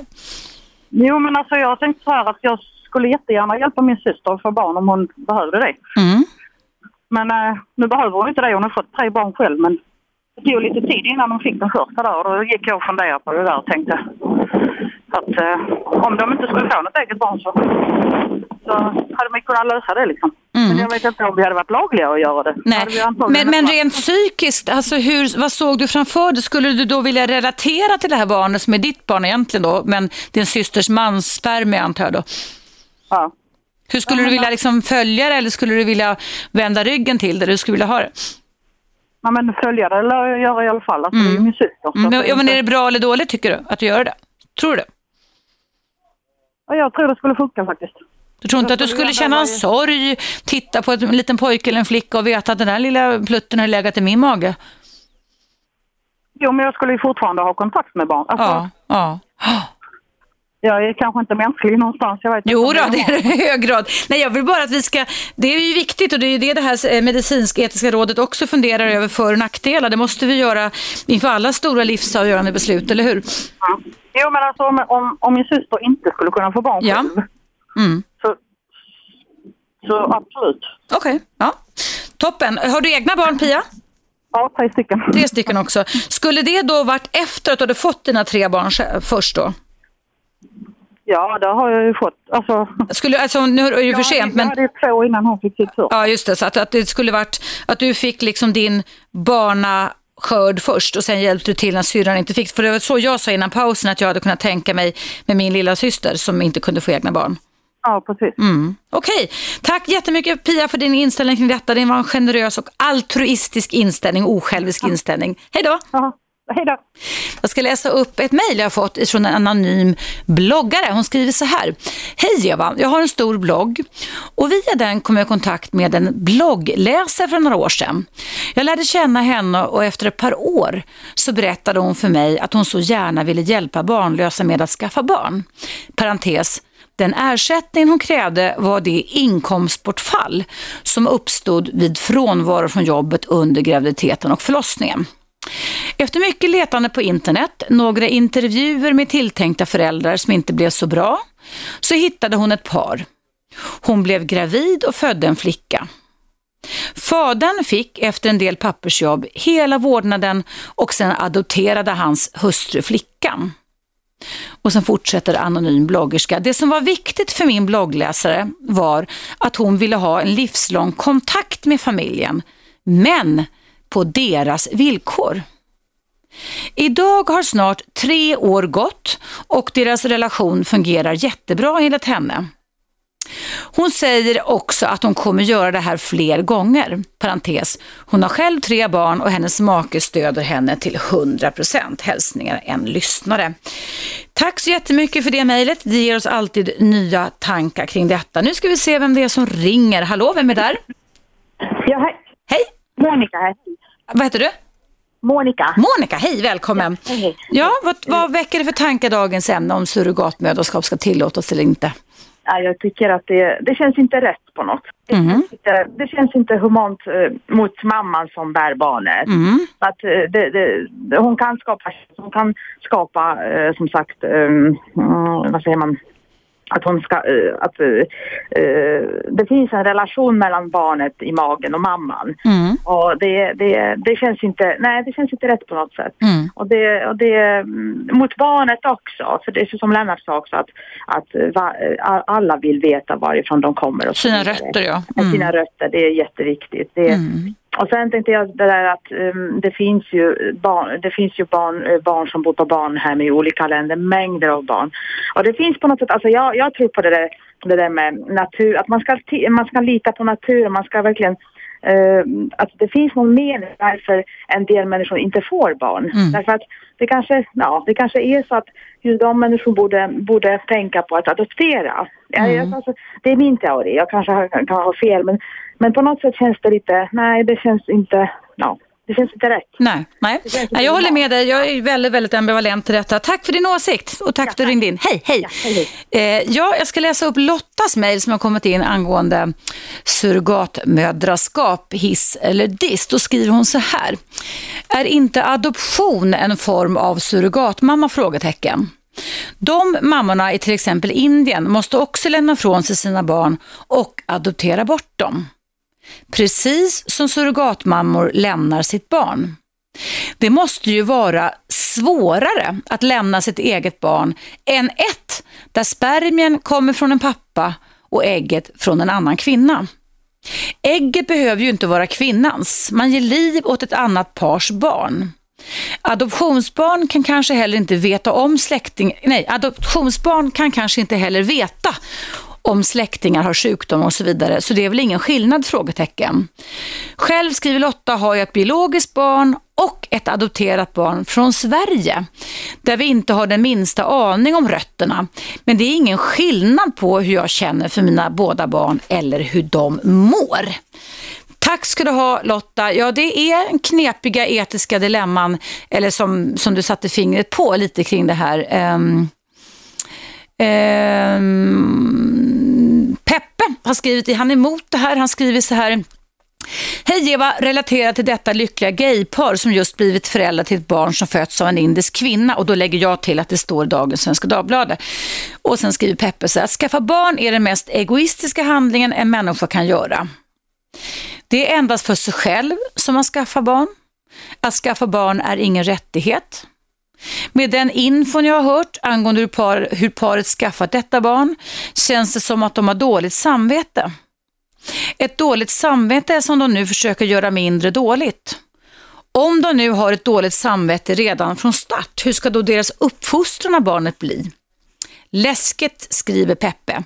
Du nämner att man inte ska leka med evolutionen. Då borde ju inte det heller vara okej för par av samma kön att skaffa barn densamma. Det var då Peppes insikter, eller åsikt i alla fall. Ehm, jag har en annan här också. Det står från Eva-Lena, det står så här. Hej Eva! Ehm, en del barn föds idag med missbildningar och för tidigt. Vem tar ansvar för dem då? Frågetecken.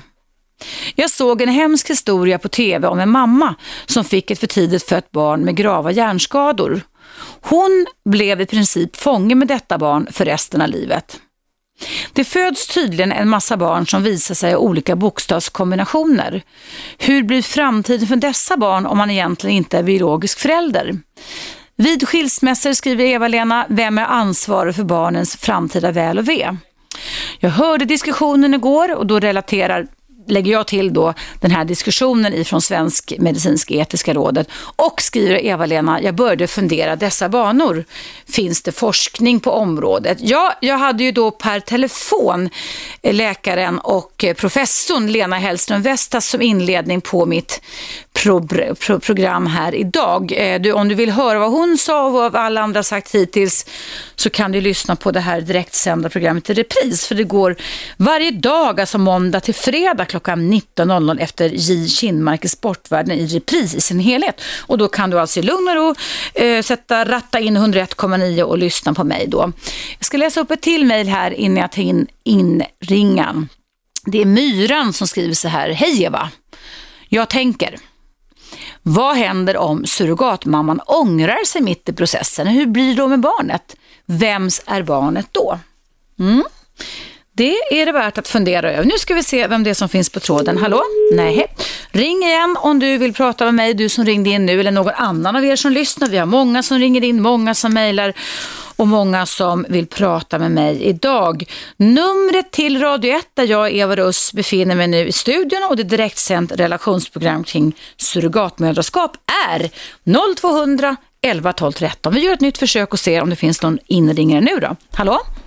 Får jag ursäkta om jag ringer en gång till, men jag ska fatta mig kort. Väldigt kort Lennart, ja. ja. De här fransmännen eller franska medborgarna som adopterade vietnamesiska barn, de Mm. ville se sin egen spegelbild i barnet. Alltså. Sen tyckte de att de var fula. Sån jävla egoism alltså. Mm. Det har ju visat sig med att ryska barn som har blivit adopterade i Amerika har varit väldigt illa. Mm. Och då har det varit en stor debatt nu i Ryssland och man vill ju förbjuda, eller man har förbjudit adoptioner till Förenta Staterna. Men det kan också vara andra, andra politiska orsaker, det var det jag ville säga. Tack snälla Lennart. Hej. Tusen tack. Hej då, hej, hej, hej.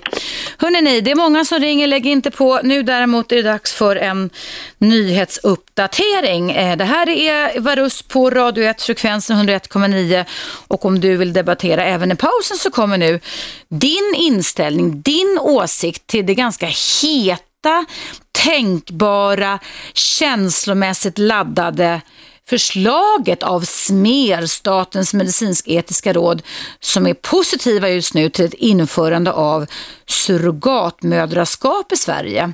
Ring mig på 0200 11 12 13. Nu kommer den här lilla pausen.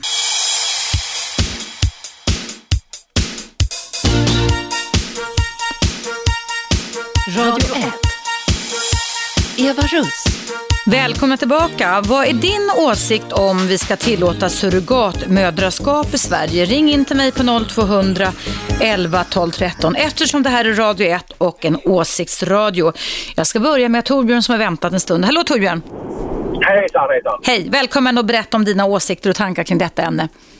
Ja, jag satt och lyssnade. Jag hade läst om det här med att man skulle titta på surrogatmödraskap i Sverige då. då. Och, eh, jag har väl inte själv bestämt mig om jag är för eller emot det där, men spontant så känner jag liksom att det är bra att man öppnar upp för det i varje fall. Eh, och att man eh, eh, tittar på det närmare. Och som jag förstår det så är, det har det kommit upp en massa frågor. Vad händer om och så vidare. Och de frågorna måste ju besvaras naturligtvis innan man eh, öppnar upp för det i, i praktiken. Och, och det är väl också någonting man har flaggat för. Jag hörde någon intervju med någon läkare, eller ja, om det var från något medicinskt råd eller vad det var. Där- Ja, hon jobbar på Uppsala Akademiska sjukhus, är professor i, för, med, med för tidigt födda barn. Men alltså, hon är inte med i det rådet, men hon hade etiska tankar i alla fall kring det. Ganska, ganska världsledande forskare. Ja. Ja, och, och, och det är ju naturligtvis jätteviktiga saker som man måste, måste ha svar på innan man går in och gör en sån här sak. Mm. Eh, självfallet då. Men, men jag tycker i alla fall att man ska tillåta sig att, att utreda och se om det här är en bra väg att gå. Eh, av flera skäl tycker jag då. Dels eh, för barnlösa par som, som eh, ja, vill ha ett barn eh, på det här sättet då. Eh, men sen också för att Sverige som i-land då ska ta sitt ansvar istället för att man låter, eh, ska man säga, eh, tredje världen eh, via pengar då ta ansvar. För att det är också en, en problematisk fråga eh, kan jag tycka då, när man utnyttjar människor i en ekonomiskt utsatt situation och ger dem pengar. Vilket är bra, man kan säga att det är ett avtal som båda är överens om. Men den som, alltså den penningstarka sitter ju i en, i en starkare sits än den som då Absolut, det blir ju en patriarkalisk inställning. Men samtidigt så tänk, kan man ju tänka sig, Torbjörn, vad blir det för inställning om man appellerar till altruistiska motiv? Att du ska ställa upp och det ska vara gratis, det ska inte kosta, du, ska, du ska inte få någonting för den insatsen du gör. Ja, det, det är ju inte helt lätt, va? det är ju inte det. Och, och, och det kan ju komma upp en massa tankar under, som, som ni har sagt i, i- under programmet här, under graviditetens gång. Mm. Man, man, är, man är med på det här när, när man går in i det, men sen så händer det saker. Ja. Och, och, ja. Det läser man ju om i, från USA att det finns där, det en ganska stor marknad med surrogatmödrar, att de ibland hamnar i jättekonflikter och eh, ångrar alltihopa. Och då kan, kan det inte ens, behöver det inte ens vara hennes eget ägg, utan det är en främmande kvinnas ägg som har befruktats med en mans spermier, men, men hon kan lik förbannat vara den som blir mamman och behåller barnet. Ja, så är det. Och, eh, och sen även om man nu utreder det här då, så kommer man fram till en, eh, en lösning. Så här ska det se ut. Och, och, och, alltså, man har rätt ut det så, så långt det går. Va? Så tror jag ändå, även om de då går in och säger okej, nu kör vi det här. Och, och så visst kommer vi säkert då se fall då som, som är bra och lyckligt och sådär. Men vi, vi kommer att se fall där, där det skiter sig. Ja, absolut. När det skiter sig, när det funkar blir det ingen rabalder, men när det skiter sig. Och det ingår i livet att det skiter sig ibland, ganska ofta också. Ja, det gör det. Och, men, men samtidigt så, det, jag är positiv för att man, man öppnar upp för att och, och se på det. Och Ja. det förekommer ju ändå vilket fall som helst. Och vi kanske ska titta på det och göra på ett annat sätt. Ja. Okej, tack så jättemycket för ditt engagemang och dina åsikter Torbjörn. Ha en bra helg också. Tack själv. Hej. Hej, hej, hej. Nu ska jag släppa fram Yvonne och du fick vänta en liten stund. Yvonne, är du kvar? Jajamensan. Toppen, jättefint. Välkommen. Tack. Nej, jag blir ju lite upprörd då. då. Jag, har, jag ser att det hela som ett juridiskt dilemma. Det handlar om ekonomi, man blandar det med känslor. Det är svårt att kontrollera förloppet överhuvudtaget. Men var i hela den här processen utgår man eh, ifrån barnets bästa? Alltså det är väldigt hårda regler när det gäller den traditionella adoptionen som vi har både i Sverige och utomlands, men det är definitivt i Sverige. Och det är bra. Varför, varför har man det? Jo, det är för barnets bästa. Det, och det här är, vad jag kan se, helt och hållet på de vuxnas vil- villkor. Här har vi då vuxna som har en egoistisk tanke, det vet vi, barn är en egoistisk tanke. Men det här fullt ut, de vuxnas villkor. Jag kan inte se någonstans att det här är för barnets bästa, tyvärr. Jag håller med dig om det, verkligen. Ehm, så du är, inte för, du är inte för detta förslag kan man säga? Nej, på grund av att det, är en laboratorieverksamhet kring ett nyfött barn och dess framtid.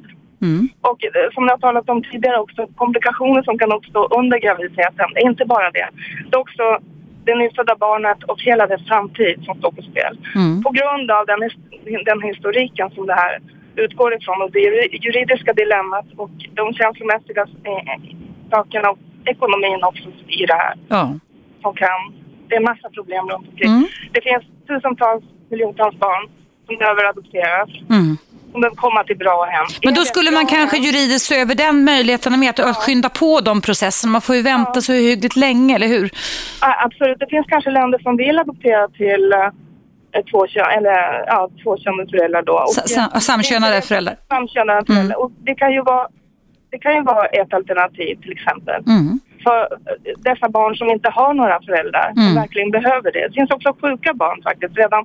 Det finns barn som behöver tas om hand. Mm. Det har man ju börjat eh, kunna göra i Sverige faktiskt. Att det är barn med gomspalt och alltså lite missbildningar som i det landet de kommer ifrån skulle aldrig bli adopterade. Men här i Sverige har vi så bra medicinsk utveckling så att man kan ja, hjälpa dem så gott det går i alla fall. Och det är väl fantastiskt, eller hur? Ab- absolut. Mm. De här barnen kan ju få ett fullt, helt riktigt liv Mm. med två älskande föräldrar. Verkligen. Det kan ju inte bli bättre. Så Nej. det är väl ett alternativ i alla fall. Ja. Det, här, det kan bara se att det här är inte för barnens bästa. Och när jag inte kan se det så tycker jag det här är väldigt upprörande för mig i alla fall. Ja, det är det också för mig, för jag ser på barnens bästa också. Det är därför jag ville ta upp ämnet idag. Du, tack Yvonne för dina åsikter. Tack så mycket. Tack och trevlig helg till dig också. Hej. Hej. Ska läsa upp ett mejl här innan pausen från Sissi. Det står så här, alltså inte tror jag, det är inte våran Sissi här på Radio 1 utan någon annan Sissi. Då står det så här, surrogatmödraskap utropstecken. Jag är själv adopterad från Indien och har under hela min uppväxt funderat och grubblat över detta med ursprung och rötter. Jag är idag 32 år och har två egna barn. Men det fattas fortfarande en pusselbit. Och vad händer när man medvetet tar bort rätten att ta reda på biologiskt ursprung? Sen fortsätter Sissi så här. Jag är medlem i en Facebookgrupp för adopterade där det finns bland ungefär 300 medlemmar. Så det finns många som vill veta och skriver om råd och tips för hur man ska kunna leta. Och då lägger jag till då utifrån ditt mejl här, leta efter ursprung och rötter. Men säger Sissi, det är klart det finns många adopterade som inte vill veta. Men jag tycker att rätten att få om du själv vill ska alltid finnas. Tack ska du ha Sissi för det mejlet. Ehm, det var fint att du hörde av dig kring detta med. Ja, självklart är det så att alla människor är ju inte stöpta i samma form. Jag läser upp ett till mejl från Margareta. Det börjar tragiskt men slutar lyckligt. Hej Eva, när vi förlorade tre barn och jag inte kunde bli gravid jag misstänker att man har så otroligt hemskt stor längtan efter bebisen så man inte blir gravid när man vill. Då sa min syster som bor i Polen att hon ska hjälpa mig att få barn. Att hon då kunde tänka sig att bli så kallad surrogatmamma åt mig. Då, skriver Margareta, tänkte jag att det var en fantastiskt fin gest från henne. Kärlek är allt. Men så tänkte jag på vad det skulle hända om hon ångrar sig i sista stunden, alltså systern då. Även om vi fick tala med henne, min syster, om alla tänkbara scenarier så är det säkert, så är det säkert på att man kan glömma någonting. Vi, fortsätter Margareta, jag och min man tänkte på adoption, men tiden gick. De kostnader och vad som händer om jag, ska, om jag inte skulle älska barnet lika mycket så att barnet ska känna detta att hon eller han är inte mitt eget. Om jag blir arg eller när barnet blir större, tittar i spegel och frågar varför jag ser ut si och så. Nå, skriver Margareta då, kort sagt, tänkte vi nästan på allt och då konstaterade vi att det blir vad det blir. Men här kommer det goda, kära lyssnare. När jag släppte tanken, skriver Margareta, att det blir inga mer graviditeter och adoptioner och att jag kanske ska välja yrken som omfattar barn istället och på så sätt fylla in den tomhet och längtan efter barn jag hade. Så blev jag gravid och idag är vi lyckliga mamma och pappa. Puss och kram Margareta. Åh, puss och kram tillbaka Margareta. Jag får tårar i ögonen och blir väldigt rörd av detta. Så det är lika bra att jag trycker på pausknappen. Eh, men du som lyssnar, kan ringa in till mig, numret är 0200 11 12 13 och det är direktsänt relationsprogram kring dilemmat, åsikterna, inställningen kring om vi ska släppa fram och fritt surrogatmödraskap i Sverige i framtiden.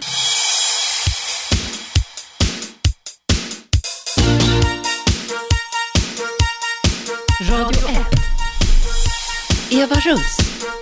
Välkomna tillbaka. Idag har jag debatterat med dig, kära lyssnare, eh, både i dina men också mina åsikter om vi ska införa surrogatmödraskap i Sverige. Och jag är av den åsikten eh, att eh, vi inte bör göra det innan vi har belägg för på lång sikt hur eh, barn, eh, surrogatmamma, alltså biologiska mamman då och de nya föräldrarna kommer att reagera med att eh, rötterna och ursprunget blir lite knasigt. Eh, jag har ett mejl från Sanna som håller på med en surrogatprocess i Indien. Jättekul att du hör av dig vill jag säga. Det står så här.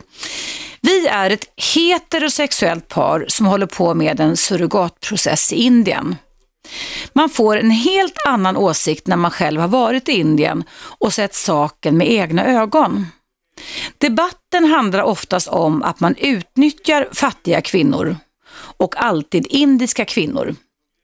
Indiska kvinnor är lika kapabla att bestämma över sin kropp som till exempel kvinnor från USA. Surrogatprocessen möjliggör ett nytt liv för kvinnan och hennes familj. Framför allt för hennes egna barn. Parentes. Surrogatmammorna måste alltid ha egna barn sedan tidigare. Detta på grund av att de ska veta vad det är att gå igenom en graviditet. Slut på parentesen. Sen fortsätter Sanna så här. Alla föräldrar vill ju hjälpa sina barn till att få det bästa möjliga livet. Och det är precis det surrogatmammor vill göra i Indien, till exempel utbildning och så vidare.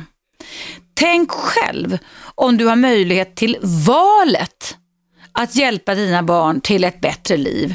Skulle du inte ta den möjligheten då? Frågetecken. Man gör ju allt man kan för sina barn. Man förstår nog bara, eh, man förstår nog bara vad ett, bättre, vad ett bättre liv i just Indien innebär om man själv har varit i Indien. Sen avslutar Sanna sitt mejl till mig som alltså ska bli, eh, få ett barn född av en surrogatmamma i Indien så här. Sen en kommentar om det här med om barnet skulle födas för tidigt, vara sjukt, missbildad eller drabbas av andra komplikationer. Självklart, slutar Sanna sitt mejl till mig, är det de tilltänkta föräldrarna som tar hand om barnet, precis som det alltid är. Tack för ett mycket bra program. Hälsningar Sanna. Tack så väldigt mycket Sanna och eh, jag önskar er givetvis lycka till med den processen som ni redan har påstartat, eh, alltså med att bli via en surrogatmamma i Indien få tillgång till ett eget barn. Och det var Indien det, men nu är det då så att eh, det är alltså debatter och debatten går ganska hög i media och inte minst här i mitt direktsända radioprogram på Radio 1 huruvida vi ska tillåta surrogatmödraskap. I dagens Svenska Dagbladet så har eh, två, en kvinnlig läkare, Mia Fahlén, som representerar Sveriges kvinnliga läkares förening och Gertrud Åström, Sveriges kvinnolobby, skrivit en debattartikel på Brännpunkt där de anser att det här blir en tillbakagång eh, till eh, de äldsta patriarkala tankefigurerna i världen, att en kvinna förväntas ställa upp och att kvinnokroppen är ett redskap tillgängligt för andra. De skriver så här citat, det är beklagligt att alla människor som vill ha barn inte har möjlighet till det. Men hur stark längtan efter barn än må vara, så är det ingen mänsklig rättighet att ha barn. Gränsen för hur långt vi kan gå för att tillfredsställa denna längtan måste dras vid människohandel. Att Sverige legaliserar en handel med barn och kvinnors, kvinnors kroppar är oacceptabelt. Det var alltså Mia Fahlén och Gertrud Åström som har skrivit en debattartikel i dagens Svenska Dagbladet och vi pratar då om fredag 1 mars. Och det är då med anledning av att Statens medicinsk-etiska råd har just nu en majoritet av delegater kan man väl säga som tycker att det här skulle vara bra. Eh, att vi lät svenska kvinnor upplåta våra kroppar men då ska det ske i nära relationer. Jag tycker själv att jätte, eh, eh, jag känner mig jättekluven till det här och jag kan tycka att det skulle behövas mycket mer långsiktig forskning på detta där man kan se hur gick det egentligen innan man drar igång detta. Och eh, jag är ju verkligen för barn. Hade jag själv haft möjligheten så hade jag kunnat haft sex, sju barn.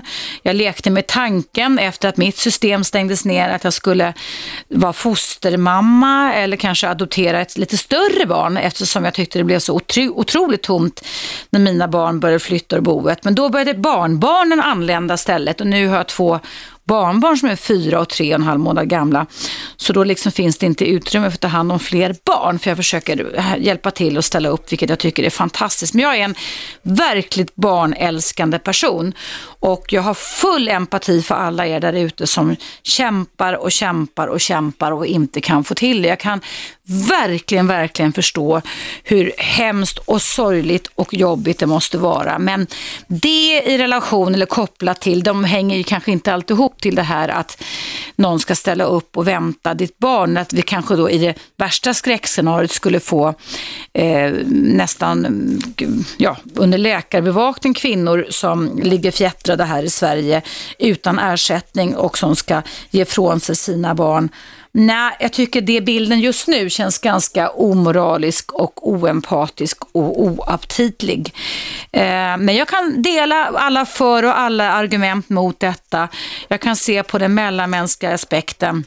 Men jag kan också se på den relationella aspekten att för en del människor så kan det i tanken vara hur enkelt som helst med vårt nya system i hjärnan och säga självklart så ställer jag upp och gör det här.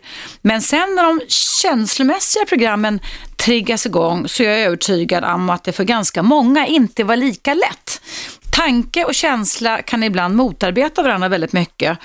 Och ännu mer när man känner det, som jag har varit gravid tre gånger, att man känner barnets rörelser i magen, så är det väldigt, väldigt svårt om än omöjligt för en mamma, blivande mamma, att inte känna glädje över detta. Och dra igång fantasier i hjärnan om hur ser det ut, har det eh, tillräckligt med fingrar och tår? Och även också vilja liksom titta titta på barnet när det kommer ut och se om det liknar mig eller pappan eller det nu kan vara. Det blir en salig röra anser jag. Och eh, i Svenska Dagbladet idag den 1 mars så står det också om ett gaypar som då utifrån sin aspekt hade lyckan att då åka till Indien och få en liten Alice. Men det jag vänder mig mot i det reportaget det är då att eh, lilla Alice på bilden här idag, hon har blå ögon och blont hår, så hon måste alltså vara resultatet av en äggdonation och, och någon av männens spermier och ändå ska de då dra iväg ungen över halva jordklotet när hon fyller två för att hon ska vårda sina rötter och sin relation med sin rotmamma då, eller vad är det för någonting? Jag vet inte, hon, hon är ju mamma. Hon var surrogatmamma, men hon är inte mamma i och med att det inte är mammas ägg. För i sådana fall skulle lilla Alice var lite, ha lite andra ansiktsdrag, alltså indiska ansiktsdrag och det kan man definitivt inte se. Kolla själv i aft, eller vad säger afton, i Svenska Dagbladet idag. Nåväl, eh, jag kan ju faktiskt hinna med ett samtal till. Jag gör ett försök att se vem det är som vill nå mig. Hallå? Finns det någon där? Det var det inte, nej. Hörrni, då tänker jag faktiskt avrunda mitt program här idag. Eh, om du vill lyssna på reprisen av mitt program det går alltid vardagar, alltså måndag, tisdag, onsdag, torsdag, fredag klockan 19.00 i repris på Radio 1, frekvensen 101,9 och eh, du kan också lyssna på programmen via podcast, via app appen, Radio 1 Ny och via webben. Jag vet att det är väldigt många som faktiskt lyssnar på Radio 1 nu i Sverige, massa olika håll eh, via webben och då kan man också höra direktsändningen.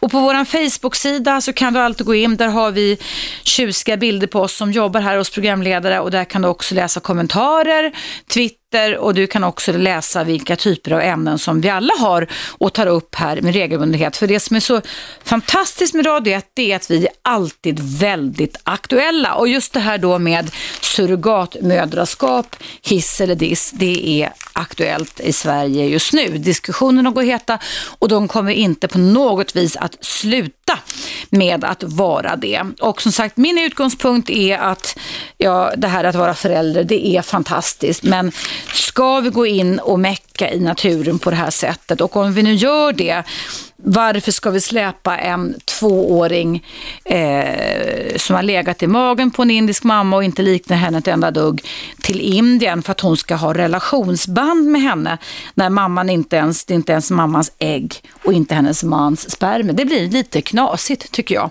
Men som sagt, jag kritiserar inte det här paret utan mer förhållningssättet, hur vi liksom tänker oss då det här. Och det innebär ju då, som det gestaltas i Svenska Dagbladet idag, att det här med relationer är viktigt viktiga. Det är ju därför jag sitter här också.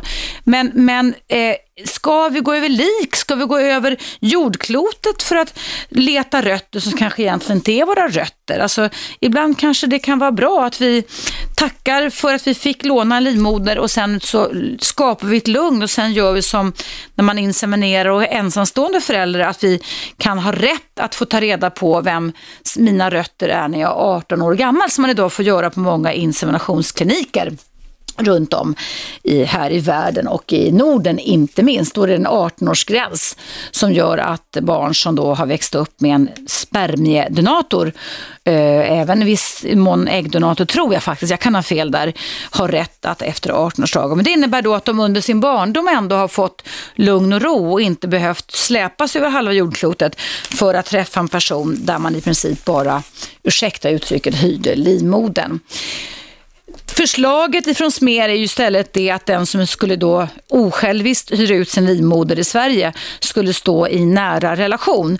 Det innebär som jag säger avslutningsvis att eh, de som inte pallar med det, som inte pallar med att man väntat ett barn som de sen har gett bort, för man får inte ha pengar inblandade enligt Smers förslag, ska då plågas kanske. Jag säger inte att alla plågas, men en del skulle då kunna plågas av att se det barn de gav bort och lägnade nio månaders tid åt och eh, använde kroppen till att föda fram, ska se det här barnet hela livet ut. Jag vet inte om det är bra eller dåligt. Fortsättning följer. Nu är det dags för mig att sätta punkt för veckans och dagens program program. Och som sagt du kan lyssna på det här programmet om surrogatmödraskap i repris ikväll klockan 19.00 på Radio 1. 101,9 Radio 1 Sveriges nya pratradio